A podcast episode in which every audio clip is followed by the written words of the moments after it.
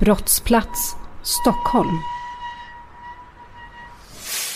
En man i ljusbrun bläser kliver av ett tåg på Stockholms centralstation. Vi kan kalla honom Oskar. Eftermiddagen den 6 juni 1954 är det söndag, pingstdag och svenska flaggans dag. Oskar, som är i 25-årsåldern och arbetar som förman på en industri i Hälsingland, har rest hit för att ha sig en glad helg i huvudstaden. Han strövar omkring i klara kvarteren, Gamla stan och på Söder på jakt efter ett vattenhål. På Götgatan 77 hittar han Café 77 som verkar vara ett trevligt ölcafé. Från en grammofon i lokalen hörs Avestafossens brus. En man intill lägger märke till att Oskar tycker om musiken. De börjar prata. Jag spelar också dragspel, förklarar mannen som presenterar sig som Lasse. Samtalet blir allt lustigare. Lasse säger att han jobbar som slaktare. Han bjuder hem Oskar på sup och dragspel. Men, och detta säger han viskande, han har ett motkrav. Ett mycket makabert motkrav. Du lyssnar på Harrisons historiska brott, en podcast från Svenska Dagbladet. I sex avsnitt på temat Brottsplats Stockholm berättar Dick Harrison, professor i historia vid Lunds universitet, några av de mest fascinerande kriminalfallen ur huvudstadens historia. Del 1. Slaktaren i Bagarmossen. Oskar skrattar när mannen på ökaféet lägger fram sitt förslag. Sa du lik? Ett lik? Ja, det har man ju aldrig varit med om. Det är fortfarande eftermiddag och i sommarvärmen på Götgatan utanför rullar färgglada bilar bort mot Medborgarplatsen. Ett märkligt skämt, tänker Oskar, att säga att han vill ha hjälp med att gömma ett lik. Men stockholmare kan vara besynnerliga och Oskar är sugen på brännvin. Tillsammans tar de båda männen tunnelbana och buss till Bagarmossen. Det första Oskar lägger märke till i Lasses enrummare är två resväskor i hallen. Det andra är det som ligger på golvet framför soffan. Någonting avlångt invirat i en vit presenning. Ett par fötter i strumpor sticker ut.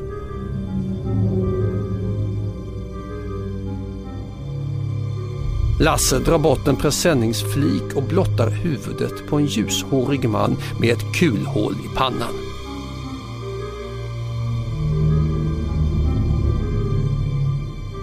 När Oskar vänder sig om har Lasse tagit fram ett salongsgevär och riktar det mot honom. Nå, säger han. Tänker du hjälpa mig eller måste jag skjuta dig också? Oskar gör allt han kan för att verka oberörd. Lasse är galen, tänker han. Han har uppenbarligen redan skjutit ihjäl en man. Inget hindrar honom från att också skjuta ihjäl mig. Inget alls. Jag måste spela med, annars är jag död. Därför berömmer han geväret, noterar att det tack och lov är oladdat och försöker verka så lugn och samlad som möjligt. Lasse tar fram två snapsglas och en flaska renat. Supandet kan börja. Medan han häller upp åt dem förklarar han att han tänker stycka kroppen och lägga delarna i väskorna, men att han behöver hjälp att köra bort dem. Känner du någon som har en lastbil? Ja, visst, ljuger Oskar som gör och säger vad som helst för att vinna tid. Jag kan ringa honom. Men detta är 1954 och alla svenskar har inte telefon hemma. Lasse förklarar att de måste gå till telefonkiosken vid den närliggande busstationen.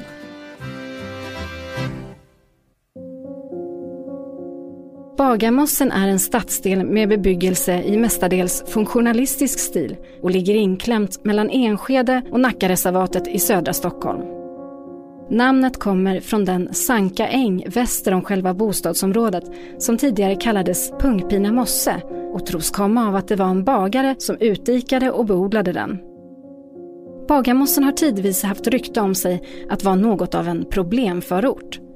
Rapparen Sebastian Staxet, eller Sebbe Stax, har bland annat skildrat sin tuffa tid på Brotorpsskolan i slutet av 90-talet.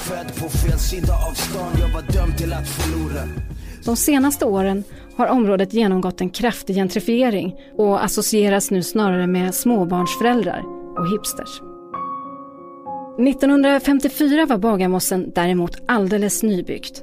Stadsdelen var en av många nya förorter som uppfördes under ledning av stadsplanedirektören Sven Markelius i samband med utbyggnaden av tunnelbanenätet.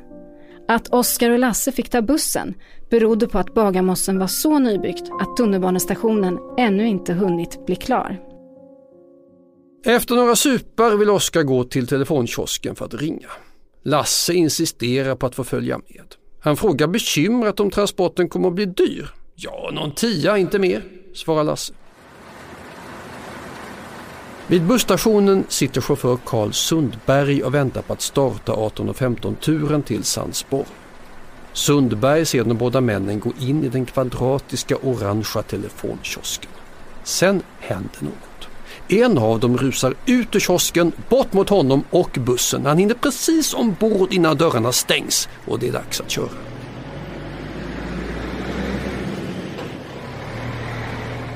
Oskar sjunker ner på sätet bredvid förarplatsen och börjar prata. Trots att en skylt förkunnar att samtal med förare är förbjudet. Killen jag var hos har ett lik i sin bostad, säger han. En som har skjutit mitt i pannan. Vad ska han göra? Ringa polisen? Ja, säger Sundberg. Visst ska du ringa polisen. Om det är sant som du säger. Sant? Trodde jag sitter här och ljuger, säger Oskar. När de kommer till Sandsborgs tunnelbanestation följer Sundberg med den skakade passageraren för att visa närmaste telefon. Då rusar Oskar iväg igen, förbi spärren och in i tunnelbanan. Sundberg larmar spärrvakten och ropar att alla tåg måste stoppas. Men Oskar sitter redan på ett tåg mot Hökarängen. Han vill bort från Stockholm, bort från de mördare och galningar som gör huvudstaden osäker. Två timmar senare tar han Norrlandståget från Centralen.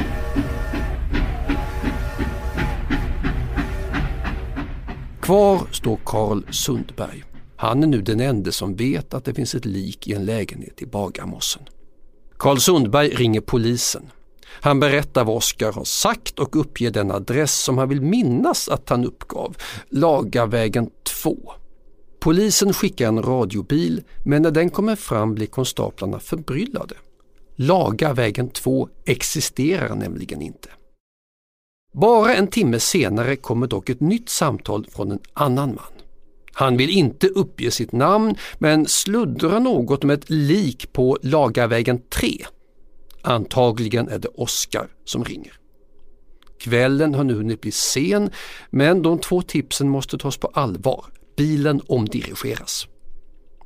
Lagarvägen 3 finns. Och där visade sig bo en slaktare, Lars Arne Andersson Berg kallad Lasse. Med portvaktens benägna hjälp tar sig poliserna in i hans lägenhet. Där inne hittar de absolut ingenting.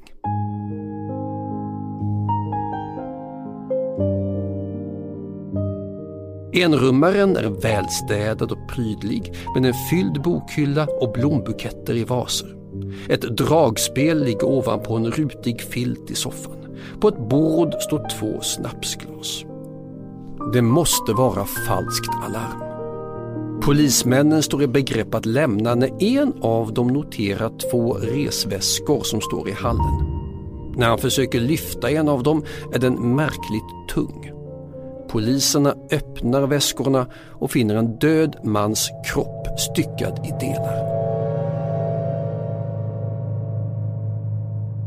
Ett snabbt telefonsamtal senare är våldsroteln informerad och efter en timme är de på plats under ledning av kommissarie Sten Hammargren. Tack vare det runda kulhålet i pannan är dödsorsaken inte svår att fastställa. Väskorna skickas till Statens rättsläkarstation i Solna där obducenten Ingrid Lingmark tar itu med arbetet. Efter en inspektion står det klart att liket har styckats i åtta delar utan att förövaren ens brytt sig om att klä av den döde. Resterna av en kostym hänger som trasor på kroppsdelarna. Styckredskapen har framförallt varit köksknivar som funnits till hands i lägenheten. Men vem är den döde? Kommissarie Hammargren gissar att det är lägenhetsinnehavaren själv.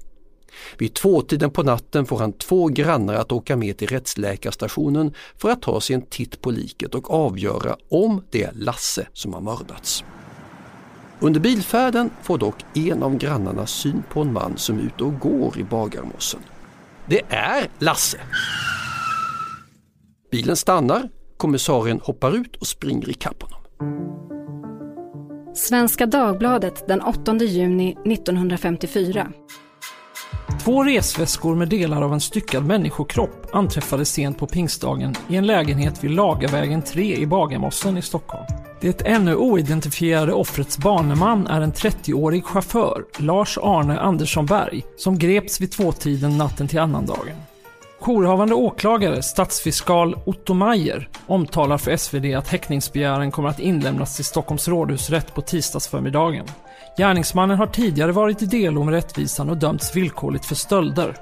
För tre år sedan vårdades han på sjukhus för nervsjukdom, men har inte visat några våldstendenser. Enligt vad kriminalen fått rapport om hade Lars-Arne Andersson Berg på pingstdagen medan kroppen låg på golvet i rummet stått i fönstret och spelat dragspel. I början av förhören vägrar Lasse att gå med på att han har gjort något besynnerligt. Men efter en timme faller han till föga och berättar. Det hände på fredagen två dagar tidigare.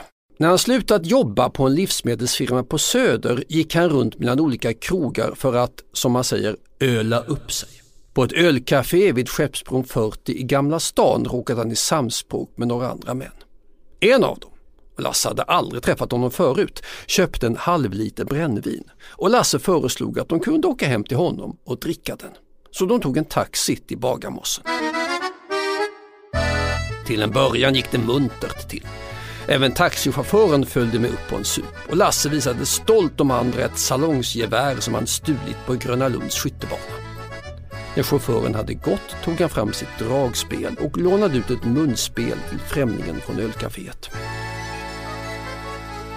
Enligt Lasse sa mannen att han tyckte att det var ett väldigt bra munspel. Han frågade om han fick köpa munspelet och la utan att vänta på ett svar upp sju kronor på bordet. Männen fortsatte att spela musik. Alkoholen flödade rikligt. Alldeles för rikligt. Framåt tvåtiden på natten tog gästen plötsligt tillbaka pengarna och stoppade dem på sig. Då blev den överförfriskade Lasse arg. Det var ju hans sju kronor, tyckte han. Männen började gräla och till slut, hävdar Lasse, slog främlingen honom på käften. Då slet Lasse fram salongsgeväret, laddade det och sköt.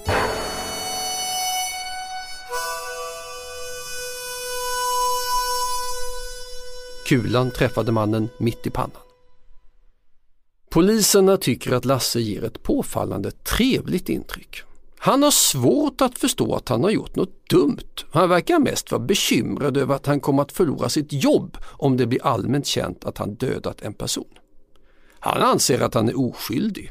Visst, det var han som sköt, men han var ju så illa tvungen. Han dödade mannen i självförsvar. När han gjort det var han tvungen att bli av med den döde och för en slaktare fanns det ju en lösning som låg nära till hans. Att stycka ett lik är ett välkänt sätt för mördare att göra sig av med sina offer. Det kändaste svenska exemplet är mordet på den prostituerade Katrin da Costa i Stockholm. Delar av hennes kropp påträffades i plastsäckar sommaren 1984 men bland annat huvudet, genitalierna och ett bröst återfanns aldrig. Två läkare åtalades för mordet och miste sina läkarlegitimationer men blev till slut frikända. De svenska styckmordens historia är dock äldre än så. 1907 rånmördades till exempel grosshandlaränkan Emma Levin från Malmö i Monte Carlo. Rånarna, paret Marie Violet Gold och Versan Leger Gold, styckade henne och gömde kroppen i en koffert som stuvades ombord på ett tåg, där blod som rann ut ur väskan drog till sig konduktörens uppmärksamhet. I januari 1945 mördades Agnes Matilda Johansson, en enstörig äldre dam i Vasastan i Stockholm, av en alkoholiserad byggmästare som styckade henne och gömde kroppsdelarna i väskor i sin källare. Ett annat känt exempel, faktiskt från samma år, är storspelaren Birger Larsson, känd som Fageråsingen eller Sunne Birger. Larsson försvann från järnvägsstationen i Arvika en kväll i juli efter att han tjänat ovanligt mycket pengar på trav och poker. Det dröjde sex år innan han flöt upp till ytan i Kyrkviken, mumifierad och utan både huvud och armar. Millions of people have lost weight with personalized plans from Noom. Like Evan, who can't stand salads and still lost 50 pounds. Salads generally for most people are the easy button, right? For me, that wasn't an option. I never really was a salad guy. That's just not who I am. But Noom worked for me. Get your personalized plan today at Noom.com. Real Noom user compensated to provide their story. In four weeks, the typical Noom user can expect to lose one to two pounds per week. Individual results may vary. Talar Lasse Andersson Berg sanning? Utan vittnen är det omöjligt att klarlägga. Tidningarna redovisar diverse osmickrande uppgifter om honom och hans liv. Under uppväxten i Järvsö i Hälsingland ska han ha varit stökig och småkriminell. En av hans lärare beskriver honom som lymmelaktig. Han sägs ha haft grava alkoholproblem och ha hotat chefen på sitt tidigare jobb med en förskära kniv. Enligt Dagens Nyheter tänkte han egentligen plocka upp liket med firmabilen och sen dumpa det i en sjö eller en myr. Hade Berg hunnit sätta sin plan i verket kunde bagarmossedramat ha blivit det perfekta brottet, skriver tidningen. Egentligen spelar det mindre roll om hans version av exakt vad som hände den där kvällen är korrekt. Lasse har ju erkänt. Men ett problem återstår för polisen och det är inget litet problem. Att inte ens mördaren själv vet vem det är han har styckat upp.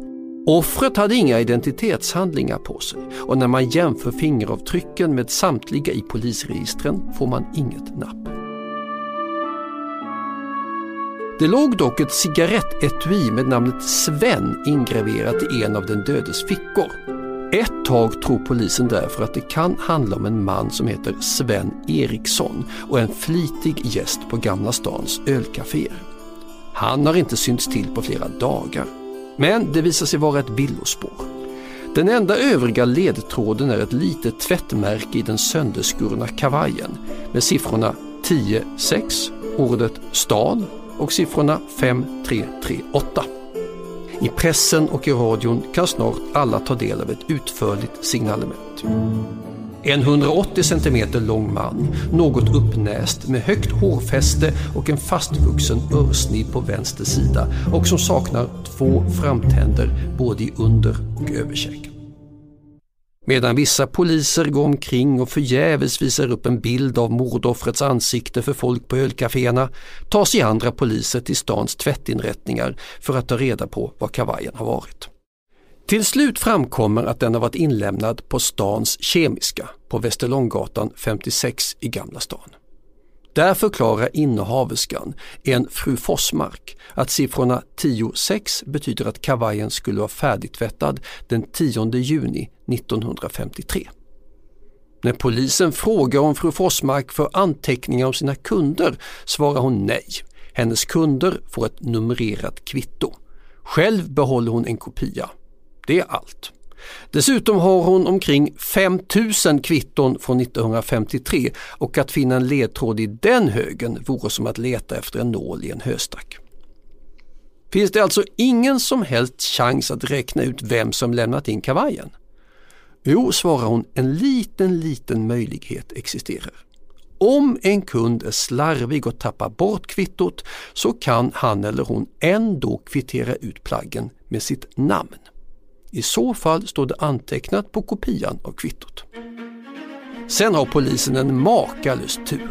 För kunden har faktiskt gjort just det, tappat kvittot. Hans namn är E.A. Tullander och han bor på Södermalm. Äntligen vet polisen vem den mördade är. De beger sig till Tullanders adress, de ringer på och dörren öppnas av E.A. Tullander. Han dementerar sitt frånfälle å det bestämdaste. När förvirringen lagt sig förklarar Tullander att han ett år tidigare hade en inneboende. Denne sa sig en gång ha tappat ett kvitto på en inlämnad kostym och bad sin hyresvärd att hämta kläderna. Tullander har inga problem att dra sig till minnes hyresgästens namn. Per Gunnar Lötberg. Polisen lyckas ta reda på att denne Lötberg är gäst på ett ungkarlshotell på Kärhovsgatan. De åker dit. Och mycket riktigt, Lötberg bor på hotellet men har inte synts till sen i fredags morse. Personalen intygar att det är han på bilden. På en pilsnerflaska i hans rum hittar man dessutom fingeravtryck som visar sig matcha likets. Fallet kan därmed läggas till handlingarna. Mannen som Lasse Andersson Berg har tagit livet av är ursprungligen från Gävle men har i sju års tid glidit runt mellan diverse ungkarlshotell i Stockholm. Per Gunnar Lötberg var 43 år och försörjde sig som diversearbetare i hamnen. Att ingen kände igen honom på ölcaféerna tycks ha haft en naturlig förklaring. Han var nästan aldrig där. I en intervju säger portvakten på ungkarlshotellet att Lötberg var en lugn typ som mest låg hemma och läste detektivromaner. Han kunde knappast ana att han själv skulle komma att figurera som offer i en mordutredning.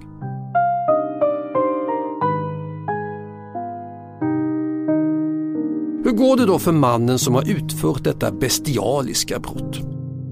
Hur många års fängelse döms styckmördaren till? Svaret är inga alls.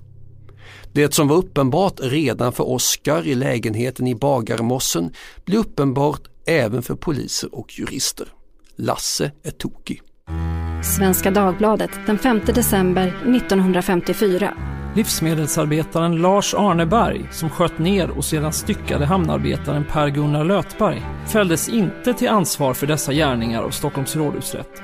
Berg har genomgått sinnesundersökning och enligt läkarutlåtandet är han i behov av vård på sinnessjukhus. Brottet har han begått under psykisk abnormitet som är jämställd med sinnessjukdom och han betecknas som farlig, speciellt i situationer liknande den vid det aktuella brottet. Prognosen för honom är dålig. Du har lyssnat på Harrisons historiska brott med Dick Harrison, en podcast från Svenska Dagbladet. Producent är Klara Wallin, Adam Svanell är redaktör. Ansvarig utgivare är Anna Kareborg och jag heter Eva Johannesson.